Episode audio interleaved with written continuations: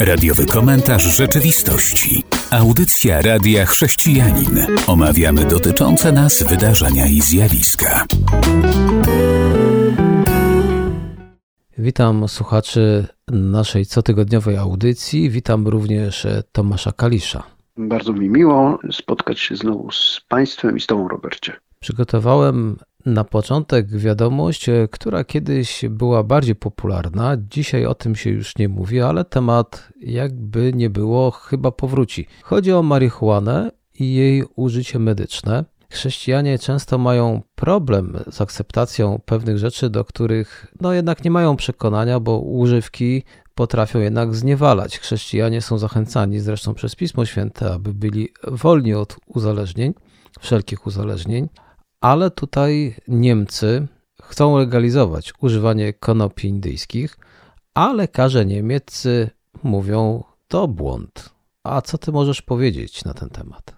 Wszystkim tak jest, co jest nowe, nie, nieznane, niedostępne i staje się obiektem zainteresowania jakichś grup społecznych, że toczy się dyskusja na, nad tym, na ile to może być dostępne, na ile może to być reglamentowane.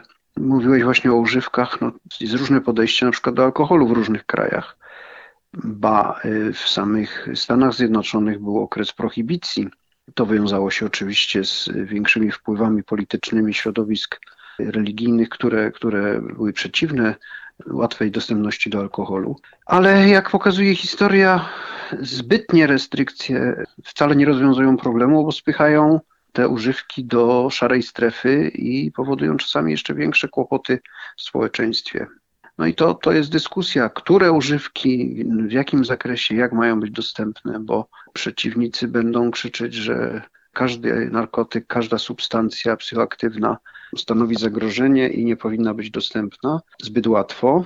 No a z kolei zwolennicy liberalizacji mają lepiej, lepiej pewne rzeczy udostępnić i kontrolować medycznie, prawnie, podatkowo, niż potem mieć większe problemy, bo i tak ci, którzy będą chcieli po nie sięgać, będą to robili, a tworzy się całe podziemie, narkobiznes i tak dalej, i tak dalej. Więc tutaj, tutaj jest wielka dyskusja w społeczeństwach różnych i w zależności od tego, jakie siły polityczne, czy bardziej konserwatywne, czy bardziej postępowe w danej chwili rządzą, to zmieniają swoje podejście. Ja jestem zwolennikiem liberalizmu w, w takich kwestiach, ale też no, odpowiedniej kontroli państwa.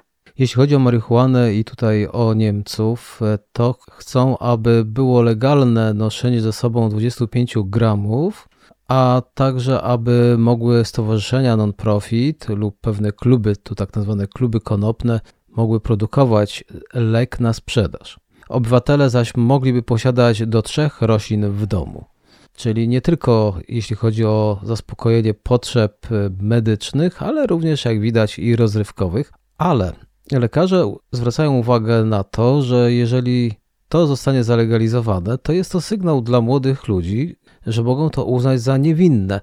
A badania, które przeprowadzili, i o tym chcę wspomnieć, bo ostatnio w Polsce, kiedy była o tym mowa, mówiło się, że tutaj bardzo niewiele skutków ubocznych, no to jak się okazuje, jednak e, są skutki uboczne i nie tylko kwestia uzależnienia, ale paru innych rzeczy, jak na przykład mówią, może to prowadzić do poważnych uszkodzeń rozwojowych, szczególnie u nastolatków i młodych dorosłych.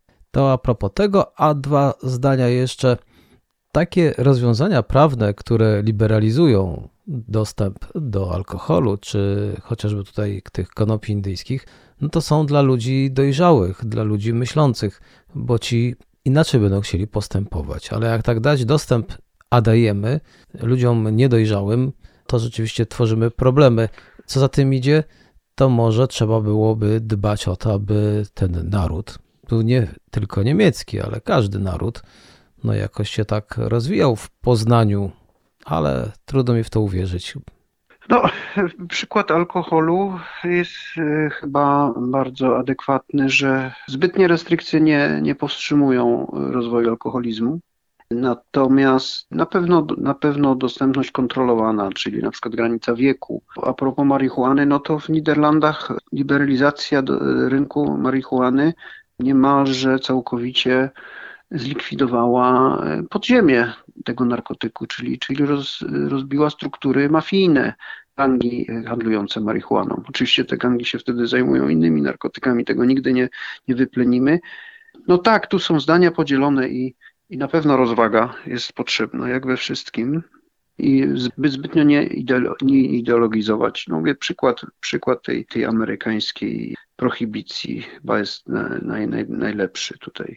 Niewiele z takiej, z takiej restrykcyjnej polityki dobrego wypływa. No. Lepiej by państwo nad tym jakąś pieczę miało i, i pod względem medycznym i każdym innym to kontrolowało, ograniczając tą dostępność choćby w kwestiach wiekowych. I tu temat kończymy marihuany. Wiemy tylko tyle, że chrześcijanie są zachęcani do tego, aby się nie dać niczemu zniewolić. Niczemu, dokładnie. I dlatego też nie dajmy się zniewolić ani marihuanie, to większość chrześcijan dobrze wie, ale nie dajmy też się zniewolić, ja tutaj powiem zadziornie, również plotkarstwu. A teraz... A teraz chcielibyśmy posłuchać utworu muzycznego, bo zaraz po nim przeniesiemy się już w inne strony i powiemy co nieco o pomysłach Parlamentu Europejskiego. Utwór za nami, a przed nami pewna, bym powiedział, petycja do Parlamentu Europejskiego i to nie po raz pierwszy, tylko już po raz czwarty Parlament Europejski chce się zająć tematem finansowania antysemickich podręczników palestyńskich. Ja już od lat słyszę to, o tym się nie mówi, ale jednak od lat to dociera, że edukacja autonomii palestyńskiej jest, no jaka jest, ale mają w swoich podręcznikach szkolnych treści antysemickie i które też zawierają przemoc, nawet zachęcają, czyli od małego uczą dzieci, aby nienawidzieć. I co w tym takiego strasznego? Przecież można by było powiedzieć, każdy może sobie pisać podręczniki, jakie chce w swoim kraju. No tak, no ale tutaj się okazuje, że to my finansujemy te podręczniki. Jeżeli Europa y, wspiera finansowo, a dobrze, że to czyni edukację w społeczności palestyńskiej, to powinna, choćby ze względu na, na wartości, które są w Europie wyznawane i doświadczenie historyczne, no, specjalne baczenie mieć na, na to, by te treści były jak najbardziej obiektywne, a na pewno nie zawierały elementów nietolerancyjnych, yy, szerzących jakąś, jakąś ksenofobię, nienawiść, agresję, to powinno działać we wszystkich kontekstach kulturowych, bo y, wiemy, do czego, do czego coś takiego prowadzi. Jeżeli Parlament Europejski domaga się od Komisji Europejskiej ingerowania w, tam, gdzie pieniądze europejskie są angażowane, to dobrze, to bardzo dobrze, bo ani dzieci y, y, palestyńskie nie powinny być uczone negatywnych uczuć wobec Izraelczyków, ani ani dzieci w Izraelu nie powinny być uczone niczego negatywnego o, o, o Palestyńczykach. To tutaj co do tego nie ma wątpliwości, bo szczególnie tam w Ziemi Świętej te, te, te stosunki międzywyznaniowe czy, czy etniczne są bardzo napięte i w żaden sposób nie należy dolewać oliwy do ognia. A wręcz społeczność międzynarodowa jest odpowiedzialna za to, by, by, by wszystkie procesy Y, które tam się odbywają, miały charakter pokojowy. No a edukacja przyszłych pokoleń jest tutaj kluczowa. To może przytoczę jakieś przykłady, żeby zobrazować, bo akurat mam. Jerusalem Post przytacza przykład z podręcznika i tu cytuję: Każdy muzułmanin powinien zaangażować się w dżihad w celu wyzwolenia Palestyny, albo w innym miejscu, albo w innym podręczniku, tutaj nie wiem. Czytamy, że studenci powinni być odłamkiem szkła w szyi Izraela i wichrem ognia w oczach Izraela. No tak, no to, to takie, coś takiego jest no niedopuszczalne. Ten pierwszy cytat jeszcze o tyle fatalny, że jest tutaj szerzenie nienawiści religijnej. I na pewno już pieniądze publiczne z Europy nie powinny być angażowane w, w, w taką jednostronną religijną agresję. No, drugi nie lepszy zresztą. No na pewno, na pewno, na pewno nie powinna społeczność międzynarodowa wspierać finansowo czegoś takiego, wręcz mm, powinna się domagać no, usuwania takich treści. Bo tego rodzaju edukacja prowadzi do, do szerzenia nienawiści i, i eskalowania. Chociaż też trzeba zrozumieć, skąd się to bierze. No. To jest reakcja też na, na politykę Izraela wielodziesięcioletnią i tym bardziej trzeba, trzeba z wszelkich starań e, dochowywać, by dzieci były od tego wolne. Kończąc, chcę tylko jeszcze wspomnieć, że była tam rezolucja i w sumie za przyjęciem rezolucji głosowało 421 posłów na 577. I tutaj. Obecnych, tak? O, to, to, mnie, to mnie tylko dziwi, że jest jeszcze jednak taka duża rozbieżność, czyli są jacyś, którzy nie są zainteresowani tematem, czyli rozwiązaniem problemu. A my już przechodzimy do kolejnej wiadomości. Jeszcze przed przerwą zaczniemy, a zapewne po niej dokończymy.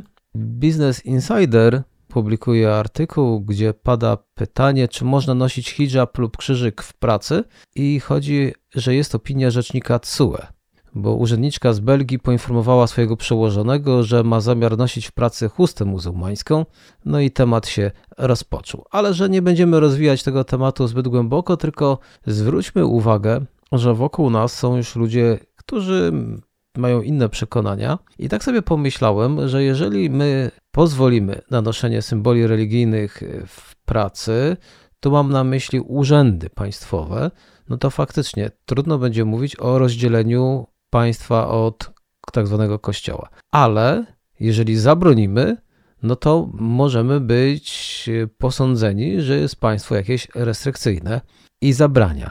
Czyli w sumie chyba nigdy nikogo nie zadowolimy.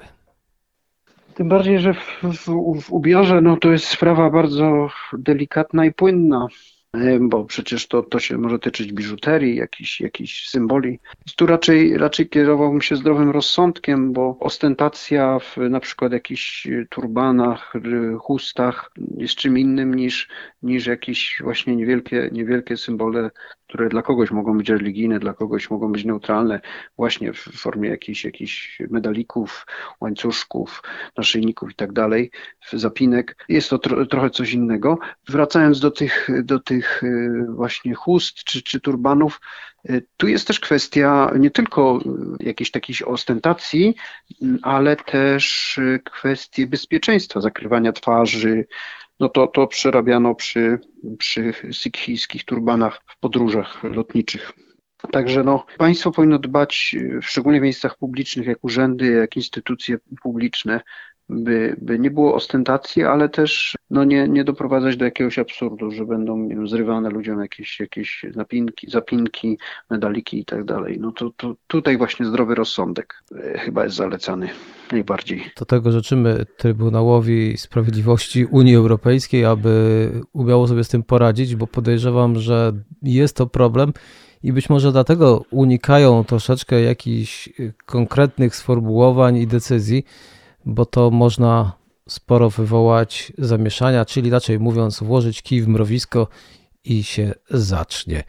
A ja tylko sobie tak uświadomiłem, że gdyby tak pozwolili na noszenie tego wszystkiego, mogłoby być śmiesznie, bo przecież mamy jakąś religię spaghetti, to ktoś by z tym durszlakiem do pracy przyszedł, to pewnie głowie, tak. byłoby wesoło. No, mogłoby być wesoło, ale w średniowieczu było smutno, gdy, gdy większość chrześcijańska narzucała żydowskim mieszkańcom miast noszenie szpicastych czapek, by z daleko można było ich rozróżnić. I, i to bynajmniej nie w sensie pozytywnym. Także lepiej, żeby było wesoło niż smutno. Chciałbym do tego kiedyś wrócić, bo to już jest narzucanie komuś ubioru, tak, a tak, nie tak, zabranianie ubioru. A teraz przerwa muzyczna. Powracamy na antenę i tu wiadomość, która może w średniowieczu byłaby na czasie. Tak przynajmniej mi się wydaje, ale dzisiaj czytać, że jakiś kraj wprowadza prawo przeciwko polowaniom na czarownice. No i gdybym tak zapytał w jakiejś ankiecie, o jaki kraj chodzi, nie wiem, czy ktoś by wpadł na ten pomysł, ale mamy RPA. I co o tym sądzisz? Zabraniać w dzisiejszych czasach? Czy ktoś w ogóle jeszcze chce polować na czarownicę? No jeżeli państwo zabrania, widać jest jakiś problem, że, że, te, że się te polowania czarownice odbywają. Y, wspomniałeś o średniowieczu. No nie tak dawno, bo ostatnie czarownice w Europie to notabene na ziemiach obecnie polskich zginęły na przełomie XVIII i XIX wieków w Prusach obecnych, e, ówczesnych, a, a teraz to Mazury, Słupsk, to tam ostatnie czarownice i to, to na sumieniu te XVII-XVIII właśnie wieczne polowania na czarownice w Europie to najwięcej obciąża sumienie luteranizmu, no średniowiecze to, to z kolei y, ówczesny kościół, zwany dzisiaj katolickim. Także tu chrześcijanie mają, mają w tym względzie sporo, mają na sumieniu tak w tym względzie. A jeżeli dziś, dzisiejsze RPA ma jeszcze takie problemy, to, no to strach się bać. E, bo niestety no, ludzie mają od wieków mieli prawo do wyrażania różnych uczuć religijnych. To często było wiązane z jakimiś właśnie obrzędami medycznymi i, i innymi. Oczywiście, że państwo powinno pilnować, żeby, żeby nie było szarlataństwa medycznego, ale polować na, na, na nikogo nie, nie się nie powinno. Biedne by były te nasze szeptuchy na Podlasiu, gdyby się to działo tak jak, tak, no, najwyższy czas zabraniać polowania na czarownicę, można by skwitować. Ale coś się tam dzieje w tym społeczeństwie, to strach, strach pomyśleć w takim razie jeżeli chodzi o polowanie i kryminalizowanie danego zjawiska i wsadzanie do więzień, ewentualnie jeszcze posunięcie się dalej, czyli zabijanie, palenie na stosie, no to rzeczywiście jest tragedia, bo to, że są czarownice współcześnie, to nie ma nikt wątpliwości. Są szkoły, które tego uczą już y, w Europie, jakże też całkiem legalnie można poczytać nawet czasopisma, które już mają nawet w nazwie czarownica. Tylko tyle, tak że... było, jest i będzie. Tak, także to przeciwdziałać temu należy edukacją, dostępem do, do, do fachowej służby zdrowia, ale no, nigdy się nie, nie zabroni y, ludziom wierzenia w, w zabobony, no a na pewno nie należy tego penalizować. Dopóki nie zostanie przekroczona czyjaś wolność, godność i tak dalej, i tak dalej. No a już nie mówiąc o jeżeli nie, nie, jakieś szkody na zdrowiu, no to w tym względzie tak, państwo powinno ingerować, ale same praktyki, no trudno. Tak, taki jest człowiek. Chcę nawiązać do tego, że jeżeli są praktyki religijne, to również mamy tutaj też praktyki religijne. Chrześcijanie są zniechęcani dosyć mocno przez naukę Pisma Świętego, aby nie zajmować się tego rodzaju praktykami, czyli nie wnikać w okultyzm, w czary, w magię, ale przy okazji chcę powiedzieć, że czasami jak człowiek nie jest wyedukowany, to czarownicą może nazwać kobietę, która krótko mówiąc poleca zioła na przeróżne dolegliwości tu jest takie niebezpieczeństwo, ale wracam do nas, którzy żyjemy w kraju, w którym można pójść do czarownicy i skorzystać z jej usług, no to jako chrześcijanie powinniśmy mieć jasne zrozumienie tego tematu, więc tutaj odsyłam do Pisma Świętego, dlatego że my już chcemy przejść do muzyki, a po niej będzie ostatnia część i ostatnia ciekawostka ze świata, również intrygująca. I powracamy na antenę, nasza ostatnia część, a tutaj coś o Piśmie Świętym. Chrześcijanie są zachęcani do czytania Pisma Świętego i chrześcijanie zachęcają, aby niechrześcijanie czytali Pismo Święte. I w sumie jest ok, jest to bardzo dobre, ale okazuje się, że niektórzy eksperymentują z Pismem Świętym. I teraz jest środowisko, które sprzedaje pierwszą księgę rodzaju. Podejrzewam, że zaczną za jakiś czas kolejne polecać. I co tam takiego szczególnego się stało? Jest to tak zwana wegańska wersja, w której czytamy już, że Abraham pomija składanie ofiary z Izaaka, zamiast tego zaprzyjaźnia się z barankiem. Również dodają fikcyjną historię, w której Abraham i Sara adoptują psa o imieniu Herbie. Niektórzy chcą tak dostosować Pismo Święte do swoich przekonań, że posuwają się do absurdu, tak aby chronić, nie wiem, prawa zwierząt. Dziwne czasy. E, no, dziwne czasy zawsze były, bo z Pismem Świętym, jak z każdym innym wielkim tekstem klasycznym, który staje się dobrem ogólnoludzkim, było tak wielokrotnie, że próbowano wpisywać w niego własne przekonania. No. Hitlerowcy y, wydali y, tak zwane dobre przesłanie, przerobione przerobiono Nowy Testament, usuwając z niego ślady żydowskie i chcieli całą, całą Biblię tak odżydzić w cudzysłowie, opierając się na swojej ideologii chorej. Więc, więc to, to nie pierwsza taka próba, ale jest to nieuczciwe, dlatego że każdy ma prawo głosić swoje poglądy, ale nie powinien swoich poglądów wkładać w usta tych, którzy ich nie mieli.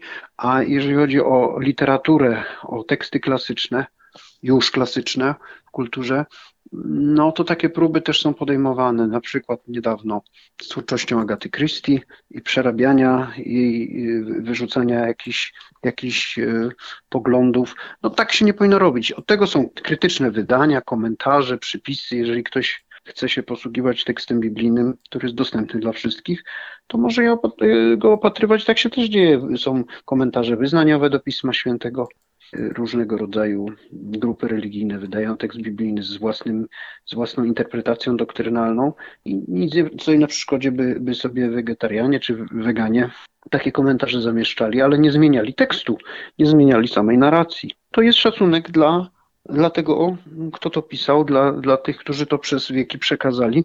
No to, to jest zasada uniwersalna dotycząca każdego tekstu literackiego, a, a tym bardziej tak, o takim znaczeniu kulturowym, cywilizacyjnym. Tak się nie powinno po prostu robić. Tu się zgadzam. Jest to nieuczciwe. Niech sobie napiszą własną księgę, a tak próbują inną księgą podpierać swoje teorie, swoje poglądy, to jest tak, jakby powoływać się na kogoś, kto ma autorytet w społeczeństwie, ale wkładać w jego usta nie jego słowa, co wtedy mogłoby się skończyć oskarżeniem. A tutaj, no kto będzie oskarżał? No, autorzy tych ksiąg pewnie nie, ale trzeba się z tym liczyć, że wielu to robi. No i jak oni to argumentują? No i według tej organizacji, tutaj skrót PETA, przesłanie w Księdze Rodzaju jest takie, że Bóg stworzył każdą czującą istotę, Widział, że są dobre i dał im zieleninę, aby się pożywiły i parę jeszcze innych argumentów próbują przedstawić, ale prawda jest taka, że nie robią nic innego jak siebie stawiają w złym świetle, no bo krótko mówiąc, oszustów, kłamców. Więc jeżeli tutaj fałszują, oszukują i kombinują, no to tak można byłoby powiedzieć, czy w innych dziedzinach, w których coś robią, nie praktykują tego samego, no i oto w ten sposób myślę, że sami sobie strzelili i to nie w stopę, ale chyba w kolano. To podkreślić trzeba prawo każdego człowieka do własnej interpretacji czegokolwiek, dziejów, poglądów czyichś, ale tak jak to już wspominaliśmy, nieuczciwym jest wkładanie w czyjeś usta własnych poglądów. No i, i na tym trzeba by pozostać. No, należy być uczciwym w odwoływaniu się do autorytetów albo tworzyć własne. Tutaj jeszcze jedna z tych ich zmian to jest taka, że kiedy Pan Bóg dał Adamowi i Ewie odzienie, no to my czytamy w Biblii, że z czego było to odzienie, Tomku? Ze skór zwierząt. Zwierząt. A oni mówią nie. Użyto włókien roślinnych, takich jak konopie i bambus. No, być może też używano y, y, włókien roślinnych, ale, ale jeżeli, jeżeli tekst, y, z którego się tłumaczy na, na współczesne języki, mówi inaczej, no to, no to trzeba to wiernie przetłumaczyć.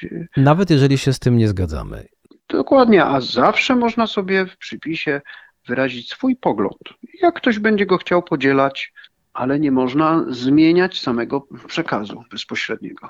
I dlatego bądźmy czujni, drodzy chrześcijanie, bo będzie coraz więcej wokół nas ludzi, którzy czytają Pismo Święte, ale próbują w nie wczytać swoje teorie.